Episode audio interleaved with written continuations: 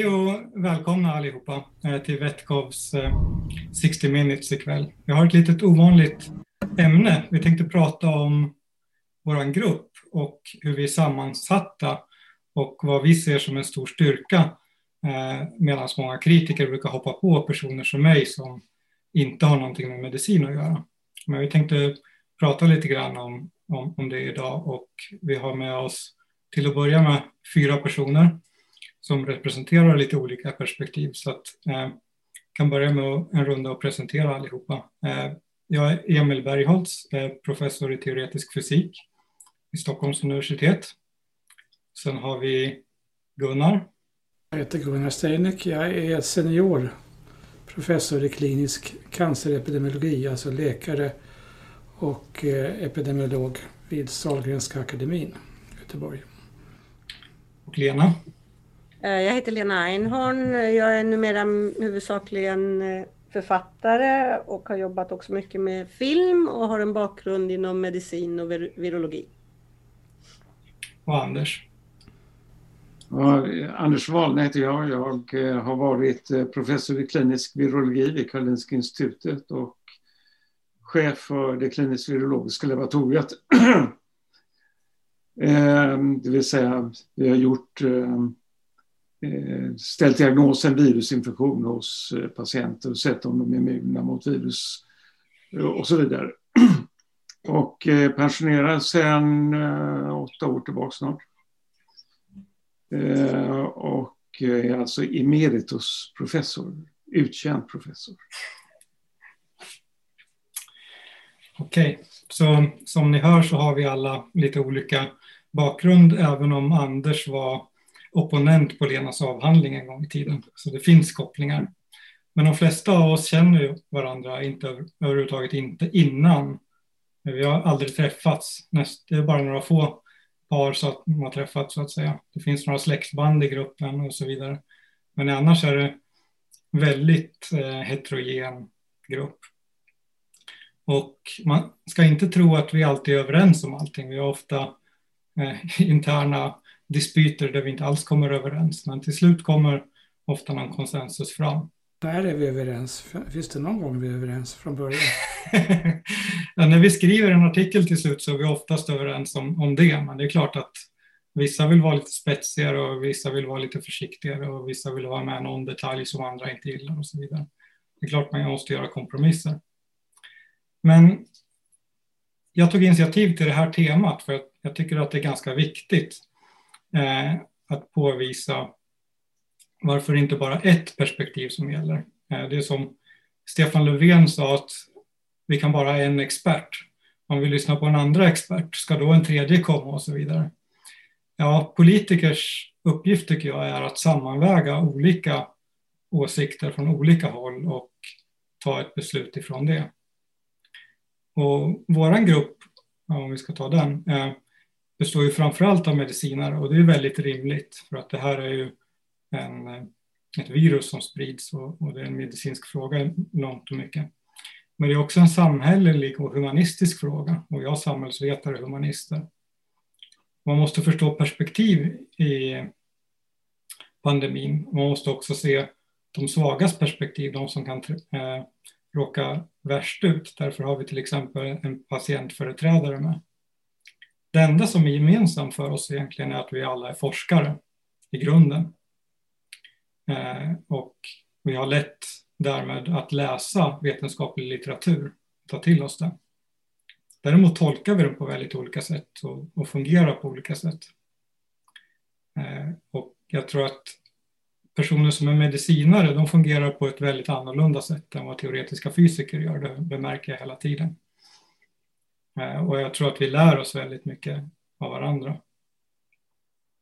Och jag kan säga att när jag förra sommaren hade en stroke och behövde opereras, då skulle jag inte vilja bli opererad av en, en teoretisk fysiker eller någon som tänker på det sättet, utan någon som istället go by the book så att säga. Och det är rationellt för lärare, eh, läkare att göra det på ett annat sätt än för en forskande teoretisk fysiker. Då kan man inte go by the book när det kommer nya problem. Eh, så att jag tänkte någon gång under det här säga lite insikter som jag får från min, mitt perspektiv och ha några slides, men det tar ju några minuter. Så jag tänkte först att det är bättre om, om ni andra kommer med lite input hur det är att vara i en grupp där folk är från alla möjliga håll. Det finns religionsvetare, eh, det finns eh, samhällsvetare, fysiker, matematiker, medicinare, biologer, kemister.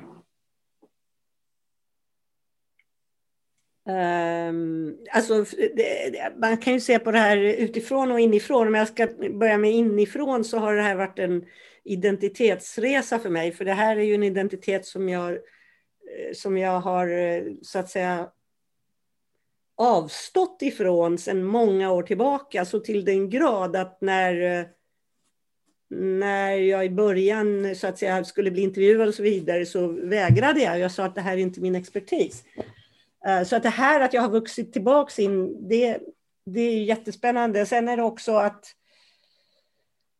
den här interaktionen med alla, vi har ju aldrig träffats. Alltså, vissa av oss har ju träffats, men som grupp har vi ju aldrig träffats. Men vi har ju verkligen lärt känna varandra åtminstone på många sätt. Och det har varit väldigt spännande och vi har kommit också förstås eftersom det är så laddade frågor, eh, kommer varandra i vissa avseenden in på livet. Men sen har jag också insett att Apropå det här med till exempel vetenskapsjournalister och varför, eh, alltså varför vetenskapsjournalisterna hela tiden tar så att säga myndigheternas sida och, och, så är det väldigt lätt att tänka att de kan kanske inte lika mycket eller de kanske inte har lika mycket fackkunskap i botten och de vilar för tungt på dem och så vidare. Men jag har ju verkligen insett att väldigt mycket av, av kunskapen är, eh, handlar om, alltså det, det, är inte svårtillgänglig kunskap. Det är väldigt mycket, eh, så att säga, det handlar väldigt mycket om ens inställning. Det här är väldigt mycket emotionella eh, aspekter som styr hur man förhåller sig till pandemin och det har inte så mycket med kunskapsbrist att göra utan kunskapen är egentligen ganska lätt att inhämta. Ja, jag stannar där. Jag kan också säga då att jag tror Emil lite... En medicinsk forskare skiljer sig nog inte så där förfärligt mycket från en teoretisk fysiker vad det gäller inställningen till forskningen och Eh, det är nog inte så att man som forskare kan gubba the book för ehm, då blir det ingen intressant forskning kan man säga. Men jag kom ju in i det här från början genom, det här är ju mitt område, det är, jag är virolog, jag sysslar med virus och sysslat med virus i över ett halvt sekel. Men vad som är gemensamt för oss, eh, vi som läkare här och är forskare, är att vi har hållit på i gamet länge och sett patienter eller hållit på med eh, biologisk forskning, är att man får en, vad skulle jag kalla för en biologisk känsla. En, eh, en intuition för eh, vad som är rätt och som Gunnar har pratat om kallas förnuftsbaserad medicin. Och vi, vi har nog varit lite mer kritiska mot myndigheterna att de har bara gått by the book, bara sagt att de gör bara det som är eh, vetenskapligt bevisat. Och då kommer man ju alltid vara ett halvår, ett år eller kanske två år efter hela tiden. Eh, och inte gå på vad man verkligen tror och man bedömer att ska vara. Och, eh, jag ser ju inte patienter mer än eh, släktingar och vänner eh, nu för tiden, men eh, även där så får man ju ofta gå på den biologiska känslan och intuitionen. Och det skulle jag säga då, just den här Eh, bredden hos eh, de forskare som är med i vår grupp har varit eh, väldigt, väldigt eh, viktig. Inte minst för mig som är ju på hemmaplan så att säga, utan att få in nya infallsvinklar och, och precis som du sa Emil, att det här, är, det här påverkar ju samhället i, i så må, i, på så många andra sätt än bara det rent, rent medicinska. Eh, det vi har med, det enda vi har saknat egentligen i gruppen är, är några ekonomer som jag tycker vi skulle ha också. Jag satt och lyssnade på David Cummins eh, intervju där hur brittiska regeringen eh, från början tog större hänsyn till eh, ekonomin i, i England eller Storbritannien än, eh, än folkhälsan. Jag stannar där och låter Gunnar fortsätta. Men för mig har det varit väldigt, väldigt givande att, att ha med teoretiska fysiker, religionskunskapare och så vidare. Ja, det är ju precis som ni säger, det är ju verkligen två, två känslor samtidigt här. Alltså det ena är detta förfärliga år och denna otroliga oro hela tiden för barn och barnbarn. Samtidigt så har det varit vetenskapligt oerhört spännande att vara del av Vetenskapsforum covid-19 och att få lära känna så många fantastiska kollegor. Och, eh, jag har ju känt sedan tidigare det, detta när man, alltså vi, vi, forskare vi blir ju hela tiden bedömda. Vi bedömer varandra, när vi skickar in artikel så är det andra forskare som bedömer artikeln när vi söker en tjänst och så vidare och så vidare. Ska vi söka pengar så är det, är det kollegor som tittar. Och eh, under alla år som jag har forskat har jag ju suttit i sådana bedömningskommittéer. Och det har ju varit märkvärdigt hur samstämmiga vi har varit fastän vi har någon teoretisk fysiker har väl aldrig varit med, men nästan alltså. Eh, alla, alla olika discipliner inom medicinen har jag varit med och oavsett ämne så på något sätt så när man forskar så lär man sig att bedöma forskning. Bedöma med metodik, hur man skriver, hur man resonerar. något slags intuitivt. Så alla känner igen bra forskning. Och eh, jag tycker jag har samma känsla här i Vetenskapsforum 19, inklusive teoretisk fysiker och andra.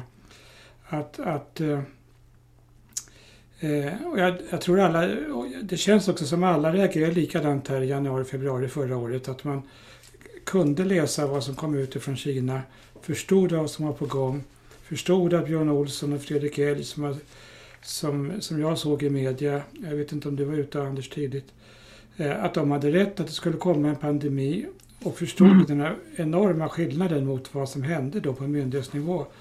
Och den första reflexen var ju hela tiden, jag vill hjälpa till alltså. Och, och eh, så, här, så här skriver kineserna i, i artikeln 27 eh, januari i Lancet. Eh, det här, det här är ett virus med pandemisk potential, det kommer en pandemi. Dags att agera. Det känns som alla har reagerat på samma sätt. Och det skrevs ju artiklar och det sades i media där. Och sen så vart det kalla handen då och eh, Johan Carlsson tyckte att Fredrik Eld då som har skrivit utredningar om hur, till, till eh, Socialstyrelsen om hur vi ska bemöta framtida pandemier. När han bemöttes, som alltså verkligen kan det här och har varit i den statliga och varit hög chef, när han bemöttes med att han inte var bättre än Enok Sarri som som eh, tittar i abborrmagar, då förstod nog många att det är något som är galet. Och, och där, det är väl där vändpunkten kommer.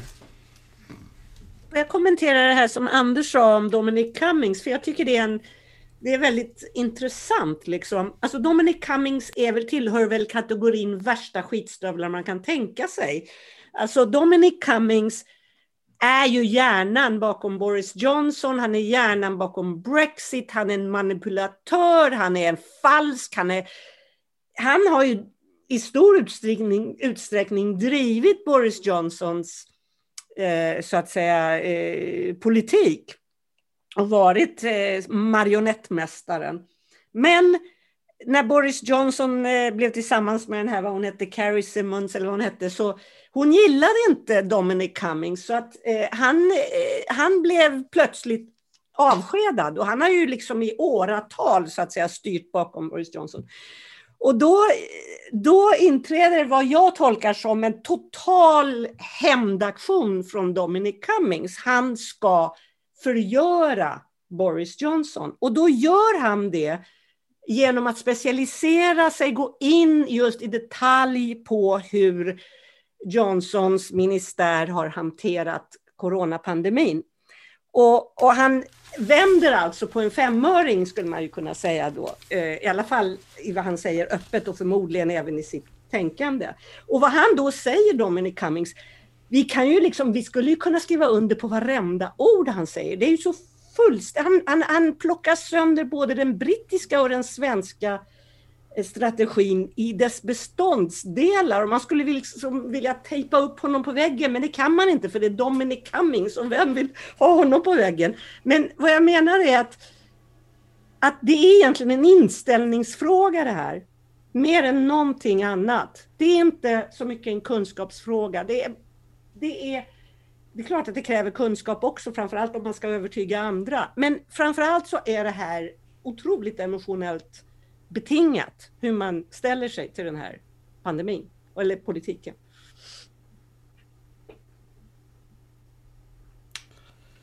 Jag ehm, hoppar emellan här med en fråga som vi fick. Ilbex Johansson frågar, vem är patientföreträdare? Jo, henne känner jag väl. Det är Jana, det är min fru. Eh, hon har en forskarbakgrund också, men numera jobbar hon som eh, patientföreträdare. Så ehm, det kanske är läge att jag tar mina slides om hur jag började tänka på pandemin och det har lite att göra med hur jag blev engagerad också. Eller någon som vill hoppa emellan med något innan? Nej. Ska vi se om jag får upp. Så, jag tänkte prata om en fysikers överläggningar i mars 2020 och sen hur det gick lite grann. Så, eh, vi fysiker gillar att uppfinna hjulet på nytt eh, när vi ser ett nytt problem. Eh, men folk kanske skulle bli förvånade över att jag skulle kunna köra på ett högstadieprov i fysik. För jag kan inte, jag har inte memorerat alla detaljerna. Men däremot så är jag bra på att sätta upp ett problem och, se liksom vad är rimligt och, och vad är de viktiga sakerna. Så det var det jag försökte göra när ett nytt problem som pandemin kom. Så min första fråga är, hur länge skulle vi behöva eh, ligga på vårdens maxkapacitet för att nå flockimmunitet? Det var det de försökte sälja in till oss i början på 2020. Här tog jag med ett diagram som de hade modifierat lite grann den 10 november 2020 på presskonferenserna när de hade ändrat den här flattening the curve med en ny kurva med en ny kapacitet. Okej, okay. men låt oss räkna lite grann på det här. Vad, vad, betyder det, det vi visste i mars 2020? Jo, den tiden det skulle ta skulle vara ungefär om 60 procent av befolkningen skulle smittas. Vi är 10 miljoner invånare ungefär. 2 procent av dessa skulle behöva intensivvård. I genomsnitt 15 dagar per person. Och vid den tidpunkten hade vi 528 intensivbäddar. Det är 3400 dagar på maxkapacitet. Inga andra IVA-patienter eh, överhuvudtaget. Så vi snackar alltså om att köra IVA med bara covid på maxkapacitet under tio år. Givetvis vet vi inte om man har immunitet efter tio år. Så det är oklart om man ens i teorin skulle kunna komma vidare på det här sättet. Så då börjar man undra, liksom, är de fullständigt ute och cyklar? Eh, men man måste ifrågasätta vad man tänker själv, så att jag hade två invändningar. Den första är, går det att skydda riskgrupper för att få flockimmunitet mycket snabbare och undvika en katastrof? Andra frågan är, finns det ett alternativ som både är mycket enklare och dessutom mycket skonsammare än att göra det här? Så eh, så första frågan är, går det att skydda riskgrupper och få flockimmunitet snabbt? Alltså komma ner från tio år till säg ett år. Eh, och mitt påstående här är att det, som Great Barrington kom upp med, focus protection, det är omöjligt. Och det såg jag och en kollega väldigt snabbt när vi studerade ekvationerna som, som styr det här. Eh, men matematiken är, är väldigt enkel. Och efter Great Barrington kom upp då skrev vi ihop en artikel om det här. Men vi tänkte ända från mars till november att det här är så trivialt, det här måste alla veta Eh, som håller på med det här professionellt. Det finns ju folk som har jobbat med de här ekvationerna i hela sin karriär. Det visade sig att de som höll på med de ekvationerna hela sin karriär var bara intresserade av flockimmunitet och när den skulle inträffa. Inte huruvida eh, det skulle bli en våg som, som var för stark för vården. Eh, men låt mig inte gå in på matematiken, den är lite för för tuff. Är man civilingenjör och tyckte matten var lätt där, då kan man nog förstå det här också, men låt oss inte anta det. Låt oss titta på vad som hände. Här är data från januari 2021. Och här har vi dödsfall i populationen i helhet. Och på y-axeln har vi dödsfall i eh, care homes, alltså i äldrevården. Och liknande plott visades också i corona, Coronakommissionens eh, eh, första del. Och vi ser här att alla länder hamnar i princip efter en rät linje. Det är lite spridning. Men skulle Great Barrington ha rätt, då skulle det finnas massa länder här nere längs x-axeln. Då hade man kunnat skydda de som var i care homes. Men det funkar inte. Sverige ligger här i mitten. Naturligtvis, den här har sina brister. Vi har Skottland, England, Wales, Nordirland separat. Det är ju inte rimligt. Men att allting ligger på en så pass rät linje, det är slående. Det är väldigt, väldigt svårt. Får jag fråga dig en sak? Var det inte en sån här graf som Mats Melin visade upp? Exakt, exakt. Så han använde eh, datan från oktober har jag för mig. Det här är några månader senare. Men oavsett vilken tid man tar det vid så kommer det vara samma räta linje i princip. Så Sverige har flyttat sig lite grann uppåt sedan januari 2021. Eh, så det här med idén med att, att eh, undanta de äldre från, från pandemin, den kommer inte funka i praktiken. Vi kan inte sätta alla de äldre på Gotland utan att ha några läkare eller några som ger dem mat där. Så det här kommer inte funka. Det andra då, eh, finns ett alternativ som är mycket enklare och mycket skonsammare. Eh, där har jag ett argument som jag tänkte ta i sin helhet, för det, det är så enkelt. Eh, men påståendet är att zero covid är lättare än att rädda sjukvårdens tak. Alltså ge mer frihet. Så argumentet är följande. Eh, ni har hört talas om det här R-talet. Så antalet nyligen smittade gånger R blir antalet nya smittade. Så R över 1 så blir det fler nya smittade än det var nyligen smittade. Är det mindre än 1 så avtar eh, Men vi kan skriva det här också som antalet nya smittade utan smittspårning. Eh, eh, Emil, med nyligen menar du typ fem, fem dagar tillbaka eller något sånt där? Eller? Ja, vid en given tidpunkt per tidsenhet per dag. Men fem, fem dagar tillbaka om det är fem dagars Till exempel. Och, och nya smittade idag så att säga. Exakt. Eh, det är inte så viktigt för argumentet, men visst för att, för att ta det här så tar man under fem dagars period. Under fem dagars period. Men antalet nya smittade är nya smittade om man inte skulle ha smittspårning och isolering minus de som har lyckats smitt, eh, eh spåra bort. Det är inget konstigt med det. Då kan vi dela med nyligen smittade här, så får vi R-talet som då alltså antalet nya smittade utan smittspårning delat på antalet nyligen smittade minus antalet bortspårade fall delat på antalet nyligen smittade. Det viktiga här är att förstå vad de här två termerna betyder. Ursäkta att jag bryter igen, men det känns som att det ska vara en parentes någonstans till höger här så att man förstår. Ja, det här är en parentes runt den här om man vill. Så delat är alltid, kommer alltid före minus så att säga. Just det här är det första. Och minus det och, och det, här, det, här, det här är också en parentes så att säga. Exakt. Så det här är två parenteser om du vill, på två delar. Eh, det här är Fredrik som pratar. Jag skulle bara säga ja. att jag tycker att vi ser ett jättefint exempel på det du nämnde i början Emil. Mm. Om hur den här gruppen plockar isär varandras grejer och försöker förbättra. Och... Tack ja. så mycket. Fortsätt Emil. Ja, tack. Jo, det, det viktiga här att förstå vad de här två termerna betyder. Den första antalet nya smittade utan smittspårning delat på nyligen smittade. Det här beror på våra sociala kontakter.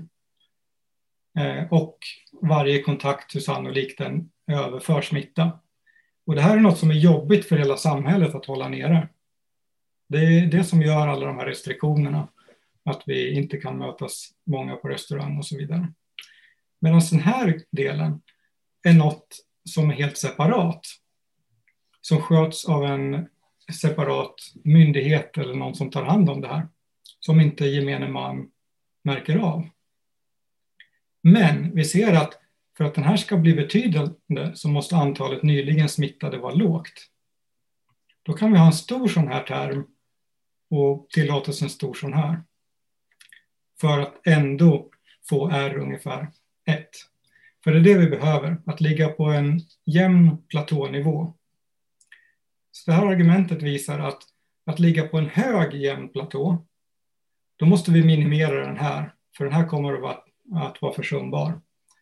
Men ligger vi på en låg jämn platå, då kommer den här ge mycket hjälp och då kan vi tillåta oss lite mer interaktioner i samhället. Men man måste tänka för sig själv här att nyligen smittade är liksom en miljon, eller hur? Och, och, och då, då, om det är en miljon, liksom, då, spe, då spelar det, då, då, då, är det fortfarande ett. Men då spelar det här ingen som helst roll. Alltså. Visst, så en miljon kommer det inte vara i Sverige, men, men, men du har rätt i poängen. Liksom, att om nyligen smitta är tio gånger högre, då kommer den här delen bara vara en tiondel så effektiv. Medan den här är naturligtvis lika svår att ändra på. Alltså ska, kan man inte säga det enkelt som så att ju färre fall man har i samhället, desto lättare är det för smittspårarna att, att, att utföra sitt arbete? Exakt. För att har du en miljon smittade så finns det inte tillräckligt många smittspårare. Men har du tio Exakt. smittade då blir varje gång som det blir en smitta så, mm. kan, eh, så är det väldigt lätt för smittspårarna att leta upp dem. Exakt, det är det lätta, lätta argumentet. Visst, här är ekvationerna som gör det konkret. Jag håller med. Exakt. Så man kan kolla här på hur det har gått också. Så om vi tar Our World in Data på några exempel. Så ser ni Our World in Data nu? Nej.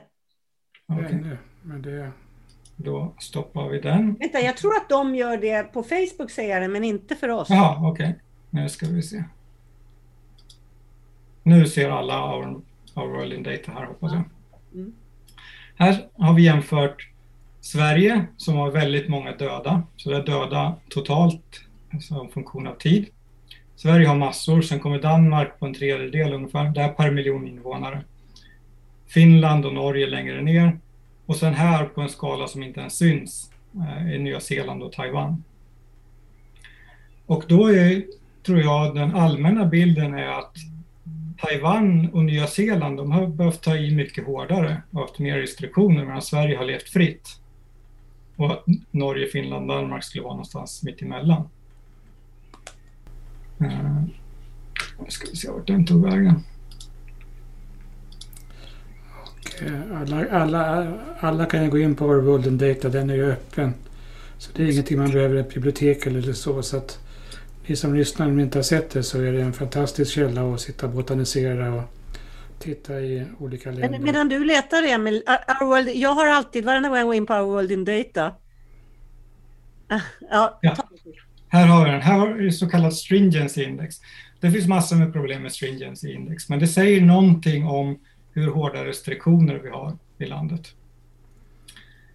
Och eh, Sverige har ju då över tid legat högst av de här länderna som jag tog upp. Om vi går till Danmark till exempel så har de legat, de var högre i början, bra timing och sen har de använt effektivare åtgärder, munskydd till exempel. Finland som har klarat sig ännu bättre har legat ännu lägre.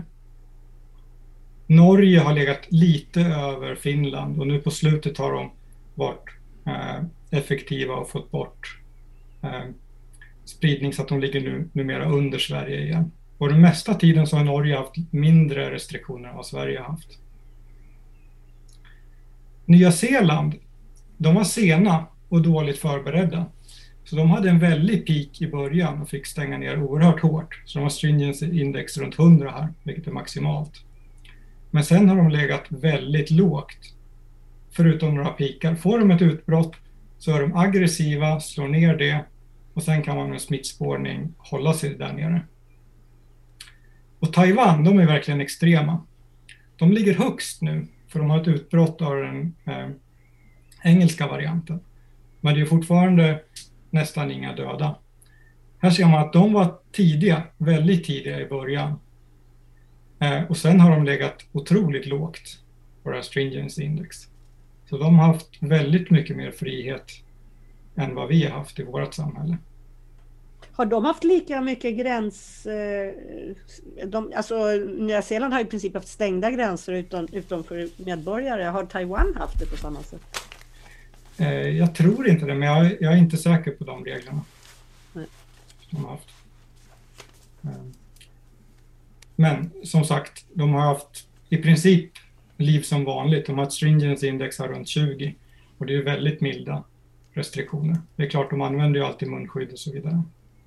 Där de kan leva väldigt, väldigt nära ett normalt liv. Inte just nu, eh, när de får, får koll på den nya toppen. Men de kommer att komma tillbaka till den här låga nivån igen. De vet vad de gör. Så jag tänkte bara avsluta med eh, slutsatsen som gjorde att jag eh,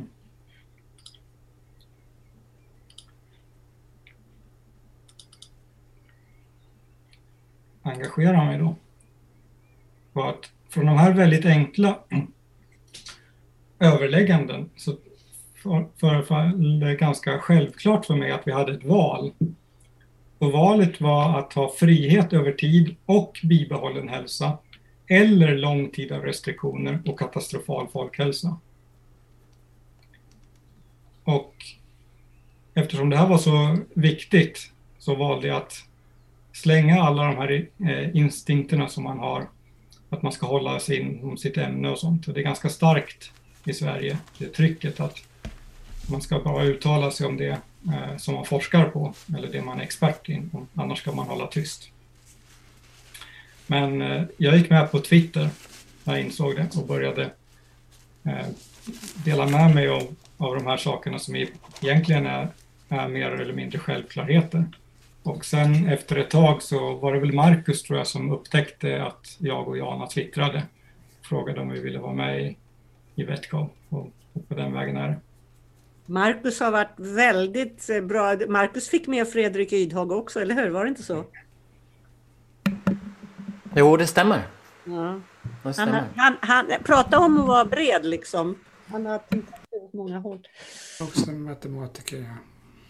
Får jag bara fråga, vad, vad tror ni är de viktigaste misstagen som inte bara Sverige har gjort? Det, det alltså om man ska säga så basala, inte misstag utan miscalculations, misstag i, i, i, i tolkningar och, och förutspåelser. Ett måste ju vara att man inte trodde vaccinerna skulle komma så tidigt som de gjorde. Men det andra fundamentala misstaget måste ju också vara, eller hur Anders, kun, eller kunskapen eller antagandet om hur det här viruset sprids. Alltså jag kan säga att eh, eh, om man eh, läser mellan raderna på det. Alltså jag engagerade mig tidigt eh, förra året eh, för det här. Och I eh, slutet av februari så hade det kommit kanske på sin höjd 200 vetenskapliga arbeten eh, om detta virus. Det var ju precis i sin linda. Eh, jag läste allihopa. Eh, idag så tror jag, på PubMed, eh, slog på SARS-CoV-2 som är viruset kallas, så kom det upp 84 000 men jag tror det är långt över 100 000 vetenskapliga artiklar eh, på ämnet om man slår på covid och, och eh, 19 och, och... 130 000 senast jag tittade. Okay. Men redan från början, eh, vad som förskräckte mig det var att eh, Folkhälsomyndigheten eh, gav fullständigt felaktig information. Och det gällde eh, till exempel att man var smittsam först efter man hade symptom. Det gällde första sars 1 som kom för 17 år sedan. Nu var 18. Eh, men om man tittade på, för när man bestämde om det var positivt eller inte, om man var smittad eller inte, så använde man sig av en metod som vi kallar PCR. Och det går till på det sättet att man, får en lit, man ser efter om det finns virusmassa i, eh, i halsen eller i näsan eh, hos patienterna. Och det gör man genom att fördubbla eh, mängden arvsmassa tills man får en positiv signal. Man får fördubblas så mycket så att man kan detektera det med de metoder man har. Och det är klart att ju fler gånger man måste fördubbla eh, desto mindre arvsmassa fanns. Det finns det väldigt mycket så behöver man inte fördubbla så för väldigt många gånger genom att Men det innebar att man fick ett, ett grovt mått på hur mycket virus det var. Och då såg man direkt att det fanns massor med virus precis när man tog provet, första provet, när de har precis fått symptom.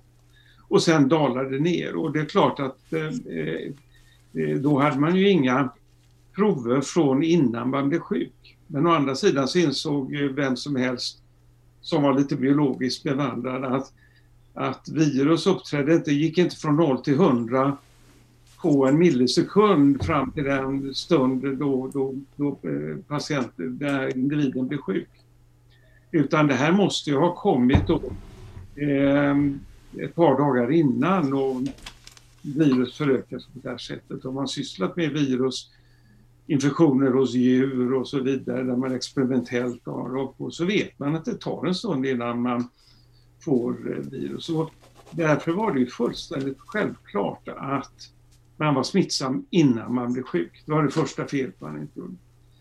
Ehm, sen så sa man att barn inte blev smittade och att barn inte smittade andra och det kom en artikel i februari, redan i början av februari, där ett litet spädbarn togs in eh, tillsammans med mina föräldrar, för båda föräldrarna blev inlagda i Singapore på sjukhus. Och då tog man prover på det här spädbarnet varje dag och det visade sig att spädbarnet hade skyhöga eh, mängder av, av virus i övre luftvägarna och i saliven och i näsan. Mycket mer så än faktiskt eh, någon av föräldrarna hade.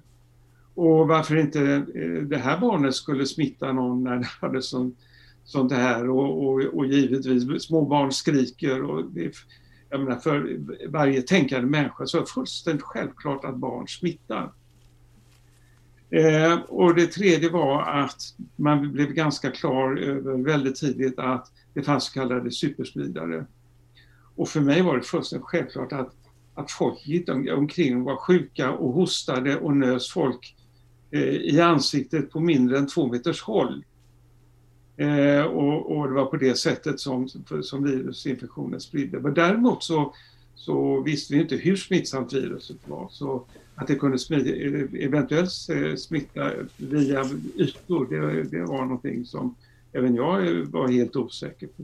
Men att det var en luftburen smitta också, att man kunde får det här genom aerosoler, det är fullständigt självklart redan då, för ett år sedan. Jag skrev och tog kontakt med mina viruskollegor Eh, i Sverige och, och eh, i Stockholm då framförallt på Karolinska eh, sjukhuset och institutet.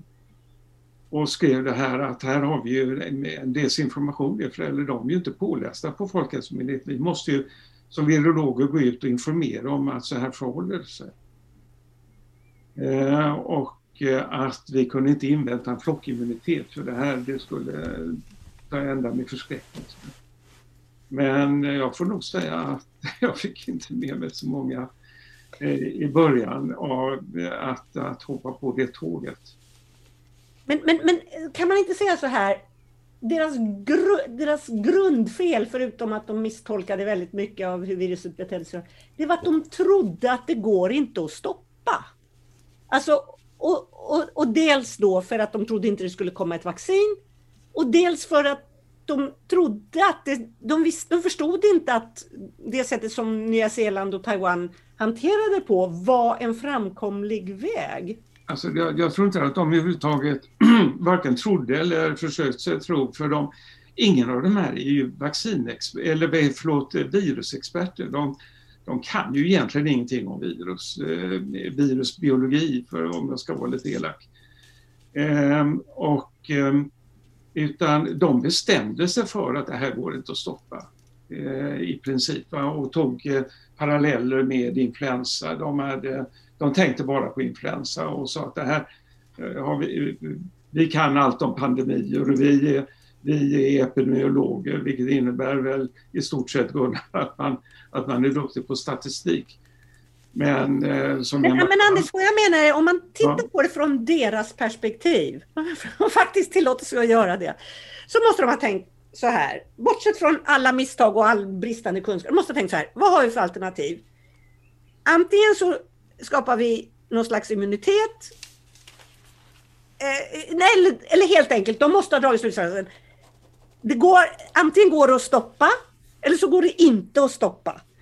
Och, alltså- och då, av två skäl så trodde de inte det gick att stoppa. Och det ena är att de trodde inte det skulle komma vaccin och det andra att de trodde inte att det spred sig på det här sättet. Att de, det måste ju ändå ha varit så att de drog slutsatsen, här finns inget annat att göra än att låta det gå genom sitt... Ja, som jag ska riktigt eh, elak här, eh, och jag hoppas att jag har fel, men de sa många gånger på presskonferenser att de inte ville stoppa smittan helt.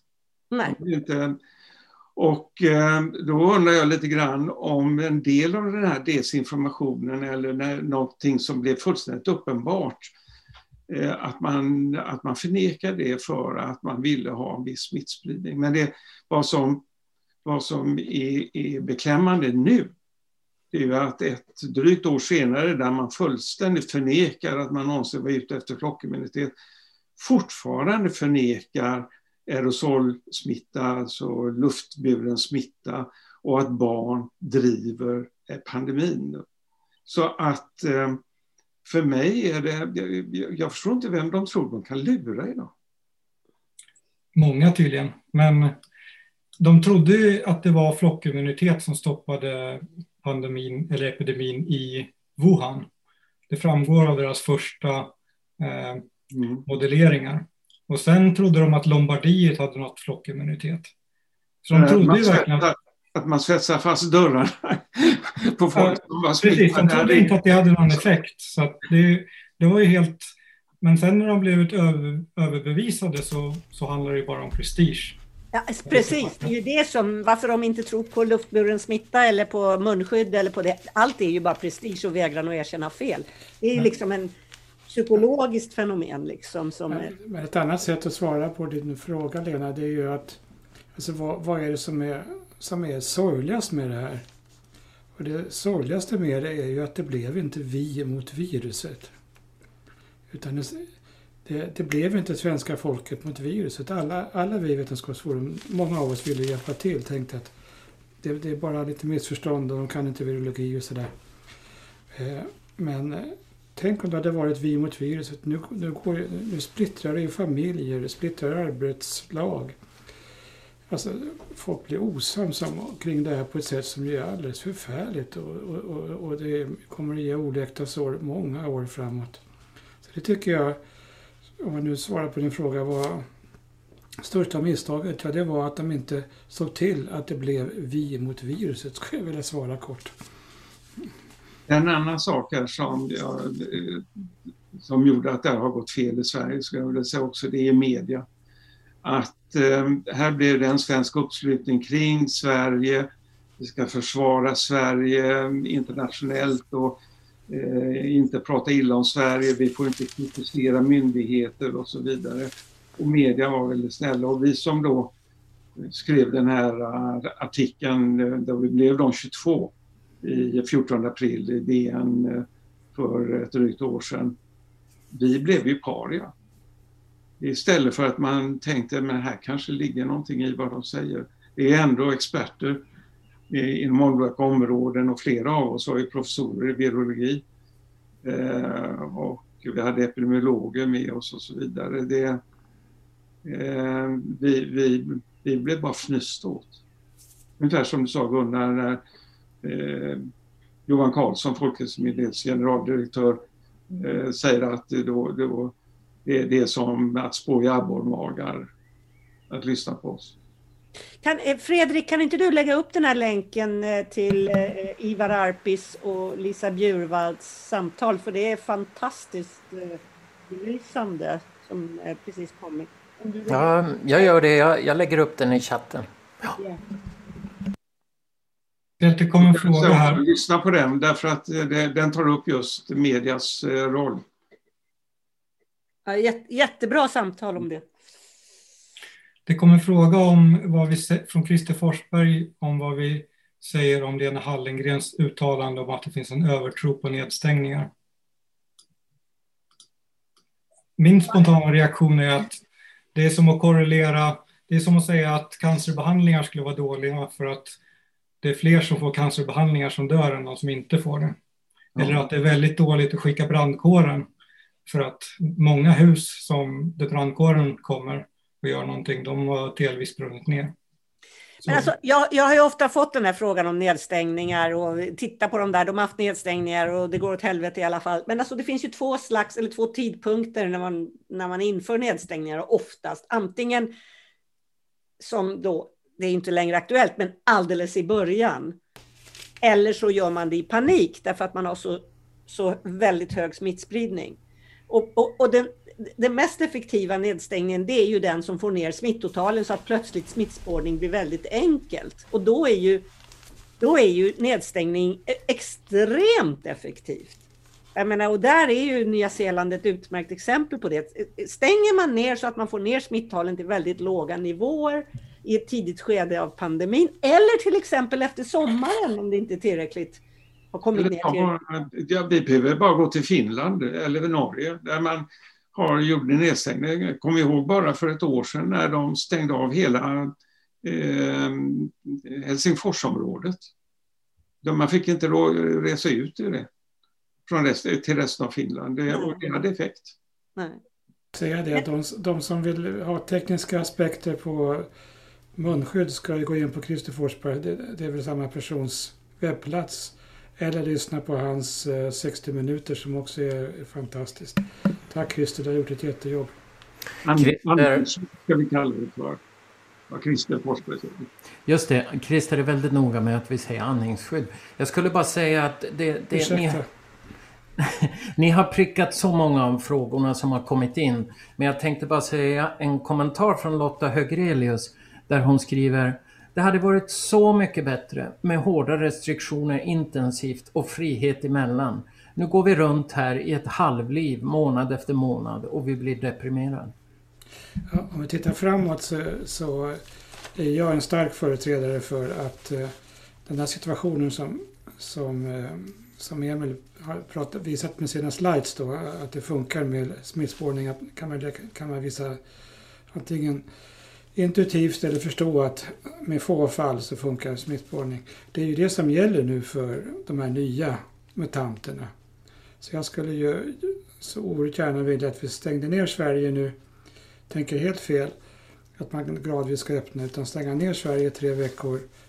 Få ner smittalen på en nivå så att smittspårning och sekvensering av alla in, nya fall kan fungera. Och då skulle vi kanske kunna få en hyfsat normal höst. Och varje gång vi har ett utbrott av de här nya mutanterna finns det en ny variant nu från Indien som både smittsam och mer dödlig. Eh, finns indikationer på det. Eh, så att eh, eh, självklart så har hon ju helt fel men det här är ju hela tiden så, Lena Hallengren, det är ju hela tiden så att de skriver om historien nu för att de vill ju inte vidkännas att det blev tokigt.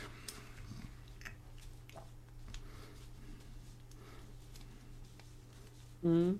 Men alltså, eh, eh, Lena Hallengrens poäng eh, möjligen är ju att sena nedstängningar tar ju mycket längre tid att få effekt. Därför att har, har man en nedstängning i en situation när eh, en massa hushåll har smittan, då ska det vandra genom hela hushållet innan man har liksom, även i en nedstängning, för man kan ju inte separera inåt, inne i ett hushåll under en nedstängning. Alltså det gör de ju i Danmark. De, de, eh, men, om ingen är sjuk? Nej, Vi talar men, om ingen är sjuk. Ja, ja, okej. Okay, men, men, alltså att du, jag menar du... du, du de, skickar har... ju, de, de skickar till karantänhotell. Om någon är smittad så, så får ja, man ja. gratis mat och boende på karantänhotell en, en vecka. Men hade man gett korrekt information hur detta virus sprids så hade ju åtminstone svenska folket fått en möjlighet att själv skydda sig på det sätt som, är, som fungerar. Och inte tro att inomhus eh, på en restaurang eller vad det nu må vara, eller på arbetsplatsen, att man, att man är säker bara man är två meter ifrån alla andra, utan att man kan bli smittad eh, lika väl om man är fem meter bort eller gå in på en toalett där någon har suttit eh, en, en längre stund och Eh, mättat luften med eh, infekterad aerosol.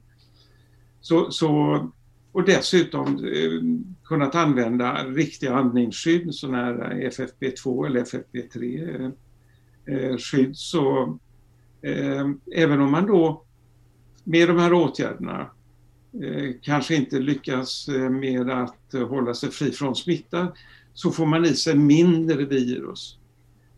Det här är givetvis inte visat hos människan nu men eh, på djurförsök och inte bara med detta virus utan alla virus i, i princip så är det så här att den mängd virus man får i sig avgör om man blir smittad eller om man blir svårt sjuk eller inte. Och mm, det här att, att det är viktigt att man reducerar smittdosen. Och det kan man göra då genom att använda andningsskydd. Så även om man då, eh, och framförallt att den som är smittad använder ett, ett andningsskydd förstås, att han inte sprider ut så mycket virus. Så vi har pratat tidigare om att det här är en, en eh, att använda andningsskydd, vilket vi måste fortfarande göra för eh, eh väldigt få är vaccinerade. Väldigt, de flesta är ju inte vaccinerade och barnen är ju inte vaccinerade. Så om vi använder det, det är en, en akt av hänsyn till, till vår nästa. Och, men samtidigt så är det så att även om det inte är helt skyddad ifrån att bli smittad så minskar man infektionsdosen och minskar risken att bli allvarligt sjuk och dö. Ska vi återvända? Jag, frågar bara Emil en sak, eftersom eh, det, det, var du som tänkte på det här ämnet liksom om olika expertis. Om det är någon mer om det är någon mer aspekt av det som du tycker vi ska ta upp? Jag, jag vet inte, jag tänkte bara påpeka det. Det är så många som har hoppat på mig på sista tiden att jag är fysiker, jag ska inte säga någonting. Och jag, jag ville påpeka att, att det är bra att ha frågor även av okunniga experter så att säga, som är experter på något annat. För man är ofta bra på, på att ställa frågor och, och gå ner till roten av problem från olika vinklar. Alltså, så jag tror det, det behövs. Det, alltså det här... Jag kan också säga då att jag tror att det är få som är så pålästa om denna pandemin och om detta virus och hur det fungerar som vad du är Emil. Jag skulle nog vilja kalla dig för en virusexpert. ja. Åtminstone en hobbyvirolog värd namnet. Ja. Men, men, men, jag skulle också vilja säga det här att, alltså att jag har själv blivit räddad några gånger Eh, när jag har läst artiklar fel. Alltså. Och det är det som är vetenskapssamhällets styrka att vi hela tiden granskar varandra. Jag, jag har vid två tillfällen eh, missförstått en artikel och trummat ut saker som var helt galna. Men, men gudskelov har jag blivit stoppad av Vetenskapsforum COVID-19. Anders Wahlne har stoppat mig kanske två gånger till och med. Och, ja, det känns ju väldigt tryggt att ha Anders som ordförande. Liksom.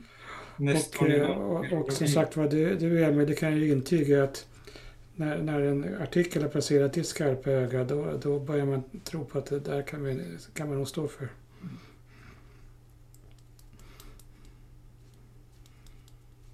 Men det, det, jag tycker det är otroligt hur vi liksom gång efter gång får med oss hela gruppen ändå. Vi har hållit på nu i mer än ett år, ett år och några månader och och som sagt, vi har haft en del eh, debacle och eh, konflikter på olika håll. Och så här. Men, men eh, gruppen håller fortfarande ihop. Och vi strävar åt samma håll. Och det... Alltså jag tror inte någon kan förstå. Det gäller ju samma sak med vetenskap när man skickar in till tidskrifter. Ingen som håller på med det förstår. Vi kommer skicka in en barnartikel, en artikel om barn och hur de drabbas imorgon. Jag tror att den har gått igenom åtminstone 40 versioner där. Så. Och det tar jag nog inte i alltså. Det, det, det är så oerhört många som har slipat på det här och granskat varje mening och lagt till och dragit ifrån. Och det är en otrolig process alltså till den här korta texten på 6500 ord i slutändan.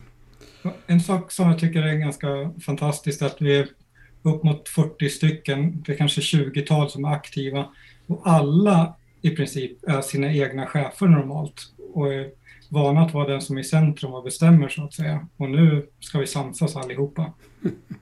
Och det, det gör vi ganska bra. Hörni, ja, vi börjar närma oss eh, 60 minuters snåret men, men jag tänkte mm, vi kanske kan avsluta med den här frågan från Elisabeth Wall. Var ni beredda på att möta så mycket motstånd och påhopp som ni gjorde när ni gav er in i pandemidebatten? Vilka reaktioner förväntade ni er efter er första gemensamma debattartikel i DN? Uh, jag, jag, kan ju bara svara utifrån mitt eget perspektiv att det som, var, som hade slagit mig innan, jag hade publicerat jag, fyra artiklar innan dess och det var ju ett antal människor som hade publicerat artiklar. Det hade till och med varit ett par upprop. Det var ju att ingenting fick fäste innan. Ingenting fick fäste.